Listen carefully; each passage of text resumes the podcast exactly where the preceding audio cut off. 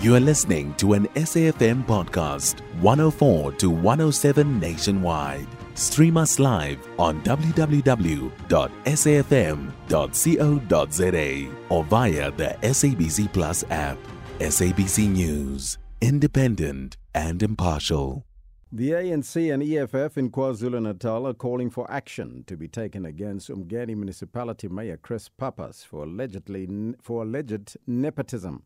Former DA provincial leader Sizwe Mchunu wrote to the public protector to investigate allegations that Pappas' former fine, fine, fiance rather was given 100,000 rand in funding for his uh, tourism business. Um, for her tourism business by the Umgeni municipality. To further discuss this, we join on the line by the EFF provincial spokesperson, Mazwi Bloze. A very good morning to you, Mr. Bloze, and welcome.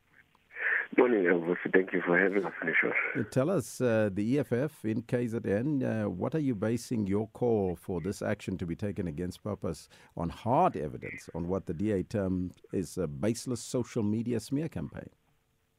No, but it can't be true because on one of your sister channels, uh, Pappas was doing an interview and he actually confessed that he does know that this company, Umgeni Tourism, exists. He found it in the municipality and it is funded by the municipality of Umgeni.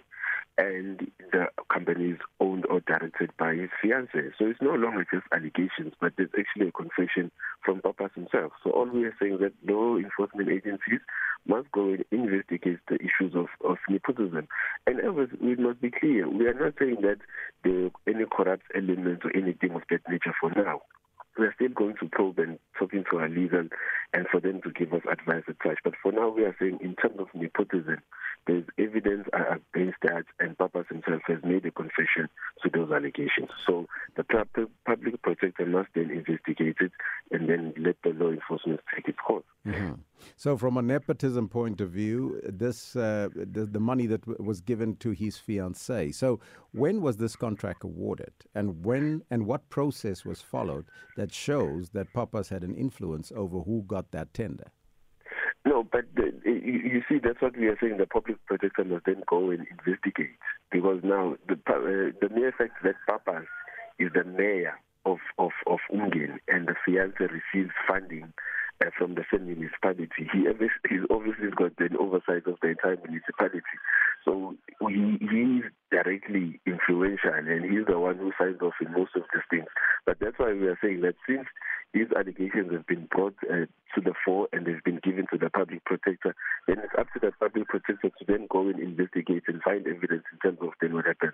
But all we are saying that even himself, with his own mouth, has confessed that this company has received money from a municipality which himself is a mayor, and this transaction happened last year. And anyway, there were three companies that are funded uh, by Umgen, and all the other two are, are receiving a stipend of about 10,000 rand a month.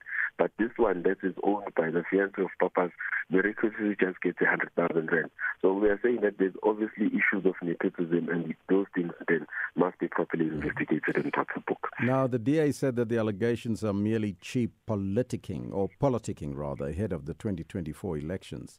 This given the prospect of the ANC losing the province to opposition parties.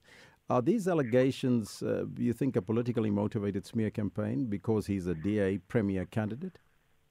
Well, we, we, we wouldn't care less about the DA's political win at the province of KwaZulu Natal. A political uh, government, uh, uh, or now he's branded that the people of Mpopomen and everyone else don't have water, there are no jobs created.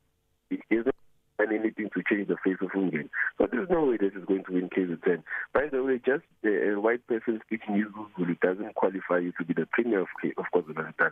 So we are not speaking about those things. All we are saying is that there are allegations on the table. Pappas is a public figure. He must go and account and be held accountable for his actions. Those things of 2024, the DA can do and put anyone as their candidate. As the AFF, we're not worried. We've got our own political program and we are going to be government in KwaZulu-Natal come 2024. Now, the KZN leader, Sizwe Mchunu, filed this complaint with the Office of the Public Protector just a few days after DA announced Pappas as the party's premier candidate. Um, uh, they talk about the, the, the, timing of these allegations, and they sus, uh, they suspect that uh, there's uh, there's something tax wrong with your timing. No, there, there, there's no such. A crime is a crime, ever. So we, we, when when a crime is committed or I'm committed, we don't look in terms of the timeline, in terms of what is happening. If you if you commit a murder on your way to your wedding, they're not going to say, ah, we can't arrest you because you're getting married. So a crime is a crime, and all we are saying is that whether Papas is a premier candidate of the DA or anything else, those things have got no material conditions in terms of him awarding a, a, a, contract to his fiancée in a municipality that he governs. Those things are not related. So the DA can try and protect Papas for whatever reason. Their political campaign must not then be dragged into this thing and want to then punish uh, or want to shield Papas from accountability. Even now, the ANC League wanted to go and protest to hold him accountable. He went and ran to court. But Section 17 of the Constitution pro- protects citizens of this country to go and protest and, and, and, and, do whatever they want to do, as long as it's peaceful. But all we are saying that Papas must then not be shielded uh, from being accountable for having uh, for engaging in nepotism uh, in Umgeni and then his premier candidacy is then brought to the front as if he's this messiah who's coming to save KZN. Those things are not mutually related. Mr. Bloza, thank you so much for your time. EFF KZN provincial spokesperson, Masri Bloza. You can find SAFM Current Affairs on 104 to 107 nationwide. Our podcasts are available for download on all our digital platforms. SAFM, leading the conversation.